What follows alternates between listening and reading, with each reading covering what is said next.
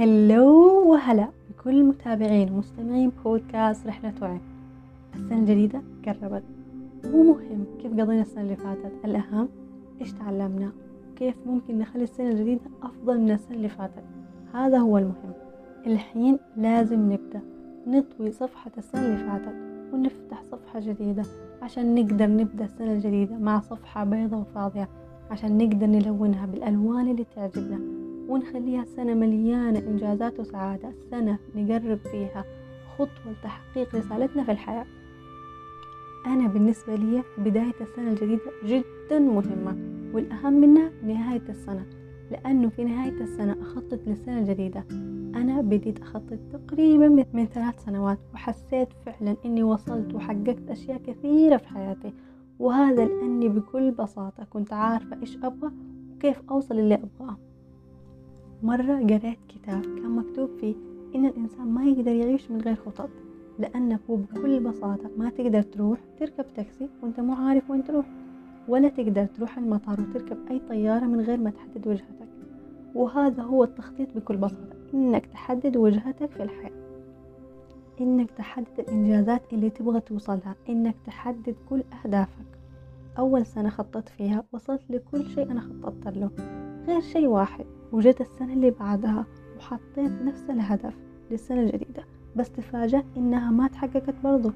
بعدها عرف إني أصلا أنا ما أبغى هذا الشيء بس لأني حسيت إنه من المفروض أحصل على هذا الشيء حطيته كهدف أنا أحكي لكم عن هذا الشيء لأنه هنا أول خطوة لتحديد خطتك وهدفك للسنة الجديدة ألا وهي إنك تحط أهداف لنفسك. أنت تبغاها مو أهداف من المفروض تحصل عليها. مثلا في ناس تحط هدف إنها تنقص من وزنها. مو لأنهم هم يبغوا ينقص من وزنهم لا لأن من المفروض الواحد يكون نحيف. أنا مو ضد إنك تنحف أو إنك نحف من نفسك. أنا ضد إنك تحط هدف أنت أصلا ما تبغاه. إذا أول خطوة للتخطيط هي إنك تحط أهداف أنت تبغاها.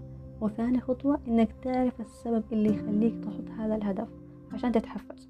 وإحنا تكلمنا أكثر عن السبب والتحفيز. في بودكاست ثاني. أتمنى تسمعوا له وثالث خطوة إنك تكتب بالتفصيل الممل. كيف ممكن توصل لهدفك؟ إيش راح تسوي يوميا أسبوعيا وشهريا؟ عشان توصل لهدفك.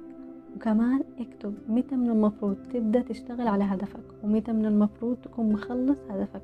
مثلا في سنة في شهر وهكذا. واسأل نفسك هل هذا الهدف واقعي؟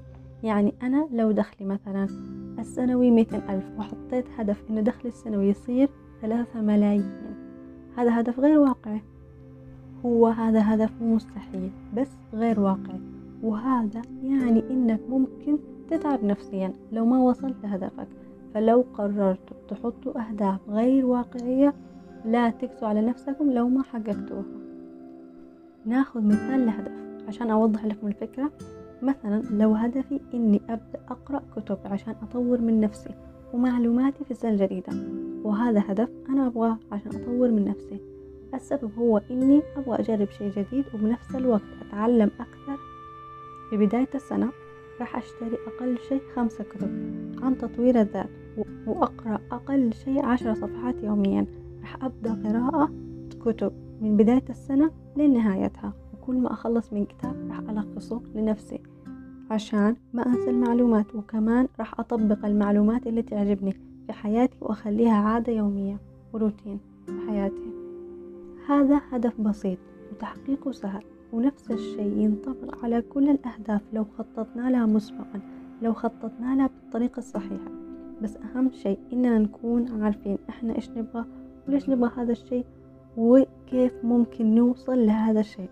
بهذه الأسئلة ممكن تحقق كل أهدافك بإذن الله. هذا اليوم أتمنى لكم يوم سعيد ومليء بالإيجابية والسعادة والأمل والالتزام. لا تنسوا الاشتراك في القناة ولو عجبكم المحتوى لا تنسوا تشاركوا مع أحبابكم.